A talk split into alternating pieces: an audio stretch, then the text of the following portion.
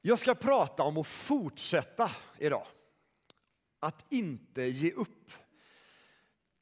Jag tror vi är många som har gjort det inför olika situationer ibland man ger upp. Men min uppmaning idag det är att fortsätta att inte ge upp. Att inte ge upp och att fortsätta att inte ge upp.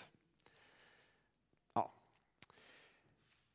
Jag ska börja med att läsa ifrån Hebreerbrevets tolfte kapitel. Och jag kommer läsa ifrån en svensk förenklad översättning som är den levande bibeln. Men jag tror att folkbibeln är där, eller har du lyckats? Har du? Nej, det är folkbibeln. David är för övrigt en hjälte här nu som får försöka dubbeltexta sånger och bibelord och grejer. Eh, men jag ska göra så här att vi läser det här först på Svenska folkbibeln och sen ska jag läsa den andra översättningen. Så får vi med oss båda de två och det här startar vi med då. Vi läser ifrån Hebreerbrevets 12 kapitel, vers 1-4. När vi nu har en så stor sky av vittnen omkring oss, låt oss då lägga bort allt som tynger. Jag ska säga det att innan det här så har författaren berättat om massa troshjältar. Det är de som är skyn av vittnen, en mängd människor som har gått före oss. Låt oss lägga bort allt som tynger och särskilt synden som snärjer oss så hårt och löpa uthålligt i det lopp vi har framför oss. Låt oss ha blicken fäst på Jesus, trons upphovsman och fullkomnare. För att nå den glädje som låg framför honom uthärdade han korset utan att bry sig om skammen och sitter nu på högra sidan om Guds tron.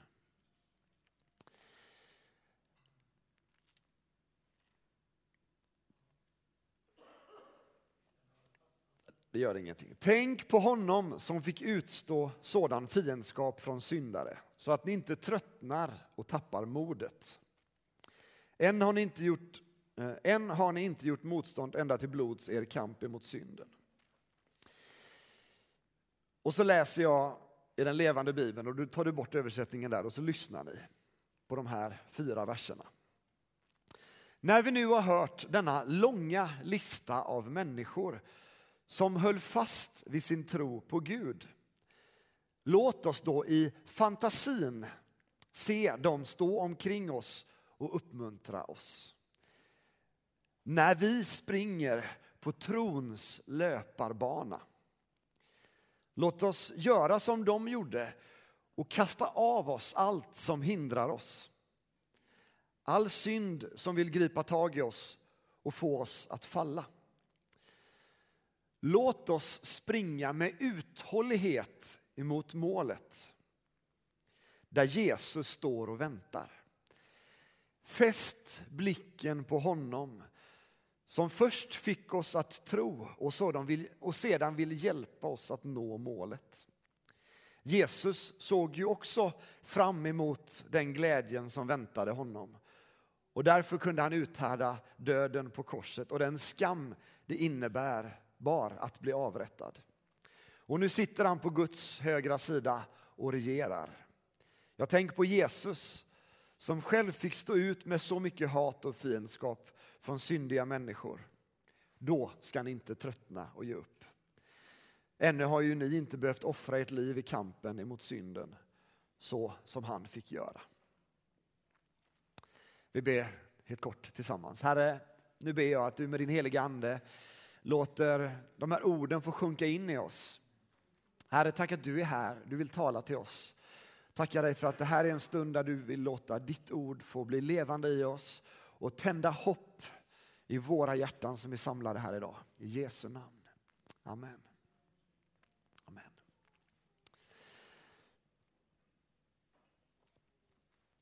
Ja, det här är då en predikan som handlar om uthållighet men också om uppmärksamhet.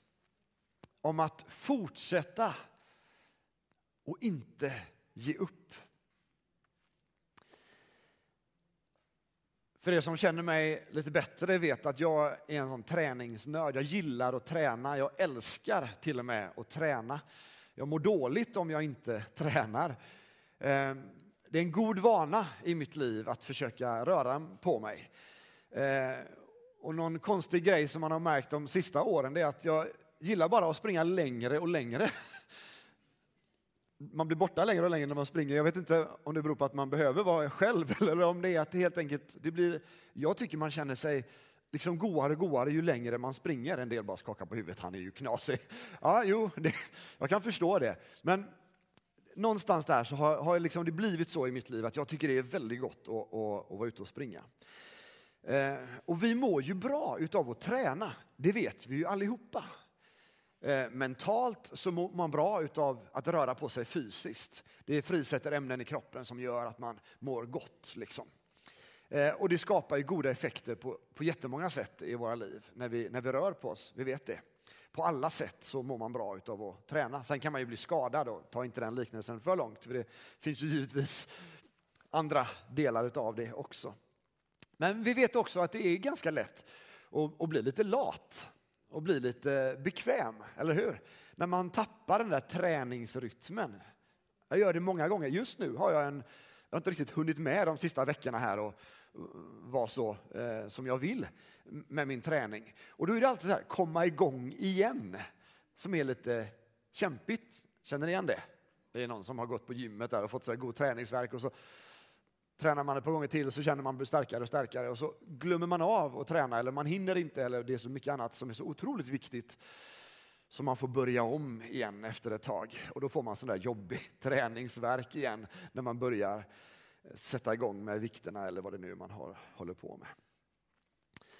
Men att tappa rytmen och att falla in i den här latheten det leder ju till lite jobbiga saker om man nu vill leva i och, och träna. Och så fort man kommer igång igen så blir man sådär stolt över sin insats, eller hur? Ja, jag var ute liksom och gjorde det jag hade tänkt nu. Jag kom tre kilometer, liksom, eller vad det nu är du skulle göra. Lyfte tio kilo eller vad det nu är du vill uppnå. Så känner man en tillfredsställelse över att det var gott att liksom sätta igång igen.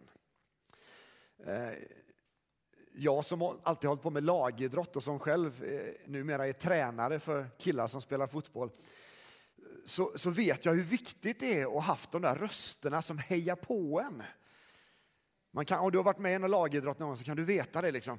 Du kan ha den här röst, rösten från din tränare ekandes eh, eh, när de hejar på dig eller uppmuntrar dig att fortsätta.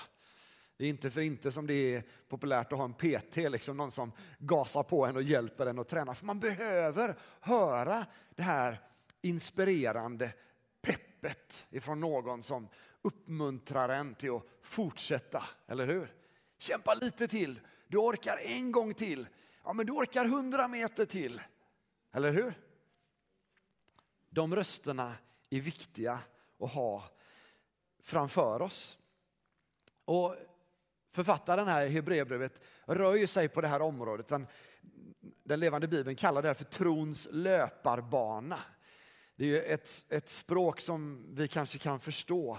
För att det handlar ju också om att löpa uthålligt. Det talas ju om Bibeln på andra, på andra ställen också. Och så kan vi göra som det står i Hebreerbrevet här. Vi kan se på dem som har gått före oss eller sprungit före oss om man så vill på deras liv, vad de har med sig av erfarenheter, hur har de levt sina liv och vad bar det för frukt för den här världen i det som de gjorde. Vi kan få ta efter andra människor som har gått före oss, eller hur? Du har säkert många människor som du tänker på, det där vill jag eftersträva, det där vill jag likna. Det där vill jag följa efter.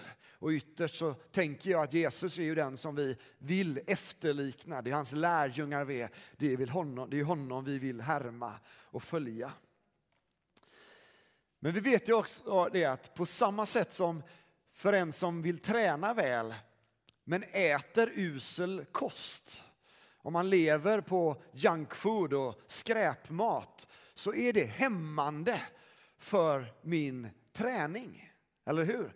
Det är inte tillräckligt med energi och näringsämnen som jag behöver för att min kropp ska må bra och jag ska kunna utvecklas. Och det finns ju givetvis stora paralleller att dra till det andliga livet. Också om man tänker på det här begreppet synd som Hebreerbrevets författare tar upp här. Att synden kan förstöra troslivet för oss. Kasta av det som hindrar oss och som vill dra ner våra liv liksom i träsket. Och det är viktigt för oss att vi vet varför vi gör det vi gör då. Om vi ska springa det där loppet, om vi ska framåt tillsammans med Gud, så är det viktigt att vi vet vad, vad vi siktar på. Vad längtar vi efter? Vad är det vi känner att Gud har lagt ner i våra liv som vi vill sträcka oss efter?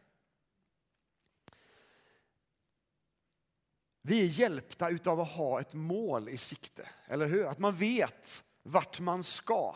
Jag har varit ute på en del löparrunder när man är någon annanstans och så ska man gå ut och springa en sväng. Och det är jättejobbigt för jag vet inte hur långt det är.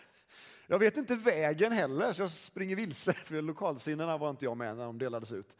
Så jag hittar liksom inte så bra automatiskt sådär.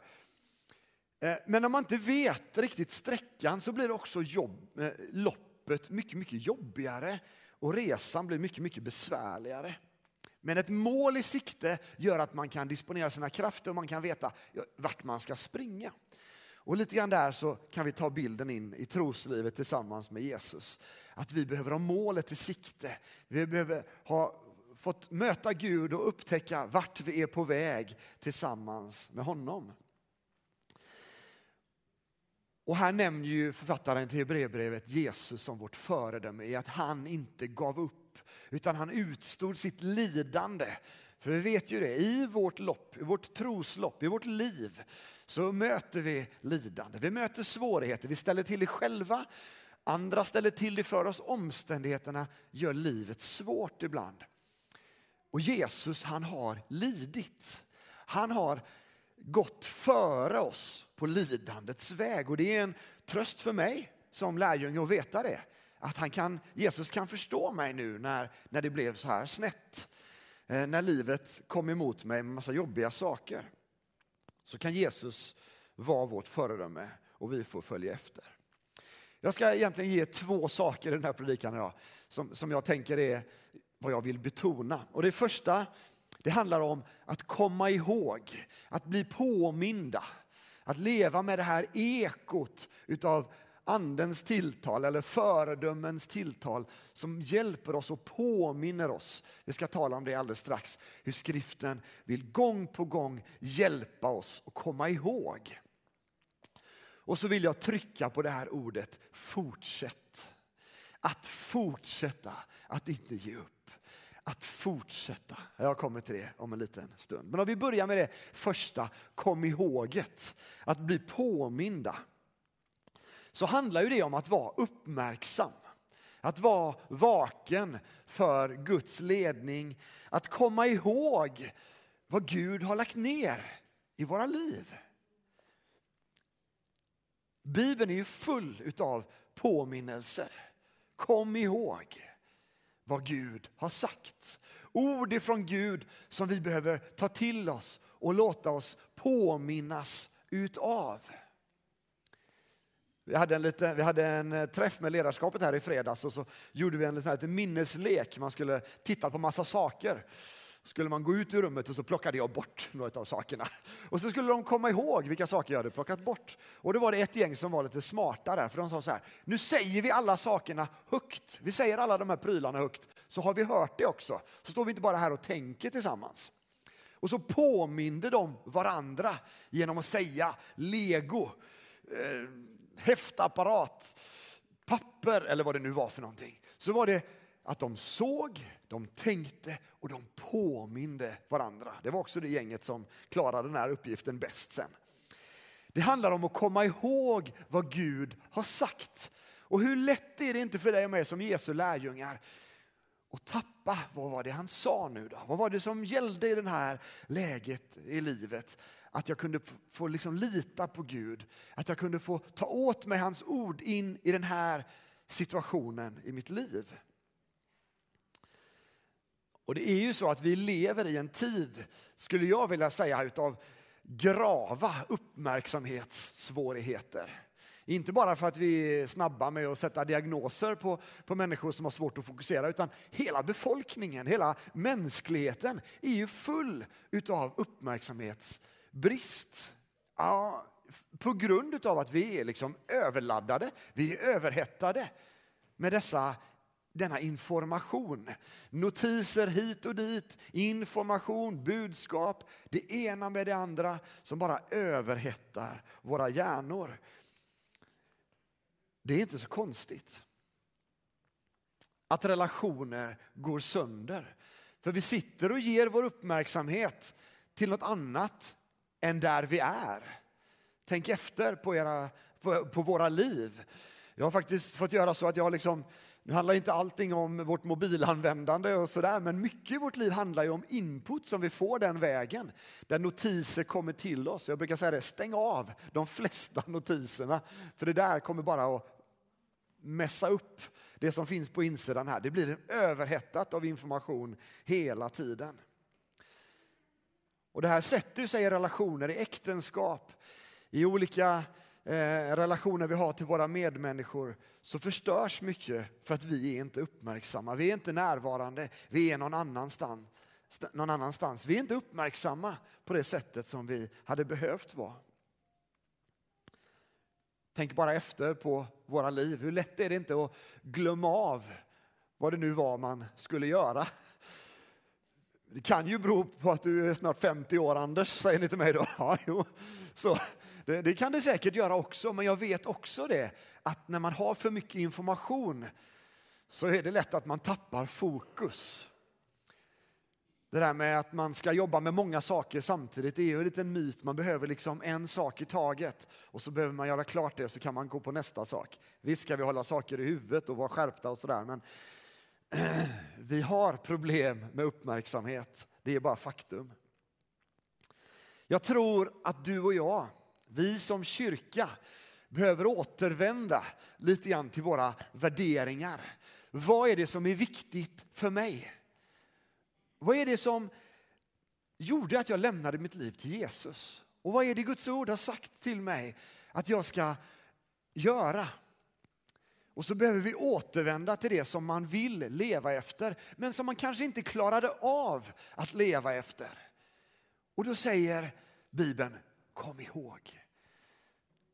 Bibeln påminner oss. Vad var det Gud har sagt? Då ska du få höra rösten viska, här är vägen, vandra på den, säger profeten. Han påminner oss, här är vägen, vandra på den. Och det här älskar jag med det kristna evangeliet, med nådens budskap där Jesus har betalat priset för våra misslyckanden och vi får gång på gång bli påminda om att han säger, här är vägen. Kom till mig igen, kom tillbaks till mig, kom upp på vägen med mig. Vad vill du leva för? Vad är dina värderingar? Vad är det jag lagt ner i ditt hjärta? Kom tillbaks så går vi tillsammans. Jag älskar den delen av evangeliet. Jag tror dessutom att den pandemi som vi har gått igenom de sista två åren har ruckat på våra livsvanor. Kanske inte alltid till det bättre. Utan många saker kanske vi har kommit lite ur banan med. Och då behöver vi hitta upp på vägen igen. Inte bara till den kristna gemenskapen, vi är ju gott med folk här idag, det är underbart att se. Utan överhuvudtaget i, i livet så behöver vi hitta tillbaks in i det som var vår vårt rop från Herren där han sa ditt namn och där han kallade dig in på vägen med honom. Vi behöver leva så som vi vill, följa Jesus medvetet. Tänka efter. Vad av det jag gör är av evighetsvärde? Är det här någonting som leder mig åt rätt håll tillsammans med Herren? Eller är det här saker som jag behöver klippa av? Jag tror att vi som Kristi kropp och som kyrka, vi behöver leva i ett ständigt krig emot individualismen. Vår tids både välsignelse men också förbannelse. Där människan tror att man kan klara sig själv och sköta sig själv och vara stark i sig själv. Ordet säger något annat. Graciella citerade Bibeln kring Kristi kropp där vi är lemmar, där vi är kroppsdelar som är satta för att betjäna varandra. Det går inte att göra om mig själv, utan vi behöver varandra. Och de andra kroppsdelarna fungerar ju sämre om inte du och jag är med i kroppen och gör det som Gud har kallat oss till. Det är inte bara för vår egen skull, utan det är också för varandras skull. Älskar vi varandra riktigt så behöver vi överlåta oss in i att vara en del av kroppen. Vi behöver inse att vi sitter tillsammans med våra syskon och de behöver dig. Jag behöver dig. Du behöver kanske mig också och du behöver någon annan. Vi behöver varandra för att bli en helhet så som Gud har tänkt. Och vi ska läsa från andra Petrusbrevet. Det är egentligen en predikan i sig och jag ska inte ta den idag. Den går vi igenom någon annan gång. Men jag vill läsa det här ordet ifrån första Petrusbrevet. Eh, som talar om det här med påminnelser och vikten utav det. Då står det så här i andra Petrusbrevets första kapitel. Läser från vers 3 och ett antal verser framåt. Hans gudomliga makt har skänkt oss allt vi behöver för liv och gudsfruktan. Genom kunskapen om honom som har kallat oss med sin härlighet och godhet. Genom dessa har han gett oss sina stora och dyrbara löften för att ni genom dem ska få del av gudomlig natur. Sedan ni har kommit undan det fördärv som på grund av begäret finns i världen. Gör därför allt ni kan för att i er tro visa dygd. I dygden insikt, i insikten självbehärskning, i självbehärskningen uthållighet, i uthålligheten gudsfruktan och i gudsfruktan syskonkärlek och i syskonkärleken kärlek till alla människor. Jag ska inte gå igenom det här nu, det gör vi vid ett annat tillfälle, men jag fortsätter och läser. För om allt det här finns hos er och får växa så blir ni inte overksamma eller utan frukt i er kunskap om vår Herre Jesus Kristus. Men den som saknar detta är närsynt och blind och har glömt att han blev renad från sina tidigare synder. Var desto ivrigare att befästa er bröder och systrar, att befästa er kallelse och utkårelse. Gör ni det ska ni aldrig någonsin falla. För då får ni en fri och öppen ingång till vår Herre och Frälsare Jesu Kristi eviga rike. Därför tänker jag ständigt påminna er om det här. Trots att ni redan vet det och är befästa i den sanning som ni har. Och så säger Petrus så här, jag ser det som min plikt att väcka er med mina påminnelser så länge jag är kvar i det här tältet. Ja, det här var ett långt ord. Att inte glömma hur vi blev renade från våra synder. Vad har Jesus gjort i ditt liv? Vad har Gud lagt ner i dig? Vad har han välsignat dig med? Hur har Gud talat in i ditt liv tidigare? Han kanske inte har talat in i ditt liv tidigare. Det här kanske är första gången som du börjar smaka på någonting av det som är Guds tilltal och Guds röst för ditt liv. Och det är en underbar början. Du kommer att behöva bli påmind om den där första gången och den andra gången och den tredje gången. Petrus ser det som sin plikt att påminna om just de här sakerna. Vad har Jesus gjort? Ständigt behöver vi påminnas om det här. Okej, okay. ska inte hålla på hela dagen här idag. Men jag vill säga några saker till. Det var det första. Jag ska vara hjärtlig och intensiv med det andra så ni inte somnar här. Men jag vill säga några saker till. Om vi nu då ska komma ihåg och påminnas om vad Gud har lagt ner i våra liv så behöver vi också den här andra biten som handlar om att inte ge upp. För hur lätt är det inte för dig och mig när saker inte går som vi har bett eller som vi hade ambitioner att det skulle gå som. Att man ger upp inför olika saker i livet. ja men det gick ju inte första gången så då gör jag inte det nu igen. Eller jag går inte vidare nu med det här utan vi testar något annat. Men har Gud sagt någonting och har Gud välsignat någonting så vill han att du och jag ska fortsätta. Han vill att vi ska resa oss upp igen. Han vill att vi inte ska ge upp. Han vill att vi inte ska sluta. Det står i Hebreerbrevet att vi behöver uthållighet för att göra Guds vilja och få vad han har lovat. Vi behöver uthållighet för att göra Guds vilja och få vad han har lovat. Uthållighet, det är någonting som logiskt ta tid, eller hur? Man kan inte lära sig att bli uthållig på en minut, utan det krävs tid för att tränas i uthållighet. Och ska vi göra Guds vilja så behöver vi träna på att göra det över tid. Vi behöver fortsätta, vi behöver låta Gud resa oss upp igen och vi behöver fortsätta att inte ha gett upp. För det är ju så att djävulen han älskar när Guds folk ger upp. Det är det bästa fienden vet när vi lägger oss ner och säger det går inte. Då är han nöjd, då gnuggar han händerna och säger bara yes. Men Gud vill att du och jag ska få resa oss upp och gå tillsammans med honom hela tiden. Det står i Bibeln att det finns ingen fördömelse för den som är i Kristus. Har du sagt ditt ja till Jesus så finns det ingen fördömelse för dig. Även om du gör fel. Det är klart du inte ska göra fel och missbruka nåden och tänka att jag kan göra det här för jag får ändå förlåtelse. Då är frågan om du klarar av att hålla på och fortsätta med det. För, för, för någonstans så förhärdar vi våra hjärtan. Men den som är i Kristus och som vill följa Jesus finns det ingen fördömelse för. Jag tror att vi som kyrka i det här landet, vi behöver höra det. Gud, han har förlåtit dig och mig.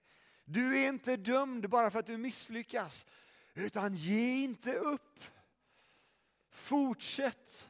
Det är Guds hjärta för dig. Att du ska resa dig upp igen. Att du ska säga Jesus, jag vill fortsätta. Jesus, jag vill gå en gång till. Jag vill böja mina knän inför det här en gång till. Jag vill säga Jesus, du är mitt allt. Du kan få bära mig, du kan få ge mig kraft. Gud älskar när vi kommer till honom för att börja om. Så ge inte upp, utan kom till honom och börja om. Det här är en perfekt dag för att börja om. Om du funderar på att jag kanske skulle göra det imorgon eller nästa vecka. Nej, nej, det här är en perfekt dag att börja om. Om det är någonting du känner att du behöver fortsätta att inte ge upp med och kanske börja om med så är det här den bästa dagen. För idag är frälsningens dag. Idag är Gud här. Det är inte så att vi måste åkalla honom för att han ska komma ner till oss. Han är redan här. Guds ande är utgjuten över allt kött. Han bor i ditt hjärta. Petrus skriver att han har lagt gudomlig natur i dig. Har du tagit emot Jesus så bor han i dig. Du får bara säga tack. Jag vill tjäna dig, jag öppnar mitt hjärta. Jag stänger inte mitt hjärta för dig nu Jesus, utan jag vill börja om. Uthållighet uppstår när vi inte ger upp. Och när vi fortsätter att inte ge upp. Jag ska landa ner i första Timoteusbrevet. Vi läser det fjärde kapitlet, vad Paulus skriver till sin lärjunge. Så skriver han så här i fjärde kapitlet i första Timoteus, vers 12 till 16. Ingen får förakta dig för att du är ung, utan var ett föredöme för de troende i ord och gärning, i, tro, i kärlek, i tro och renhet. Och så säger han, fortsätt att högläsa ur skriften och att förmana och undervisa tills jag kommer. Försumma inte, alltså glöm inte bort, tappa inte bort nådegåvan i dig. Den som du fick genom profetord när de äldste la händerna på dig. Tänk på detta. Lev i detta. Så att alla kan se dina framsteg. Var noga med dig själv och din undervisning och håll troget ut med allt med detta. När du gör det frälser du både dig själv och de som lyssnar på dig fortsätt att högläsa ur skrifterna. Och jag tror det är ett tilltal till, till många här inne idag att Gud har kallat dig inte till att ge upp utan till att fortsätta. Och du kanske behöver skruva lite, justera lite i ditt liv. Om du har tappat att följa de värderingarna och de grunderna i ditt liv som du kände, det här vill jag leva för. Det här har jag egentligen gett mitt liv för, men det funkar ju inte riktigt så. Jo, det kan funka tillsammans. Tillsammans med Herren kan vi få ta nya steg. Den helige Ande är här. Han är det, inte bara för att jag säger det, utan han är det. Jesus har gett sitt liv, han har lämnat den här jorden, han har sagt att den helige Ande kommer till er. Och så har vi haft pingstdagen. Idag har vi förebedjare här, du har massa syskon omkring dig som gärna vill lägga händerna på dig och be för dig. Och vill du inte att de ska lägga händerna på dig så kan de be för dig på lite distans så här. För Guds ande är inte hindrad utav det, utan han kan verka här och nu. Och jag ber att det här skulle vara en dag där Gud får påminna dig om vad han har lagt ner i ditt liv. Att det också får vara en dag när han säger, nu är dagen där du kan få fortsätta att göra det som du vet att du vill göra egentligen, i att tjäna honom.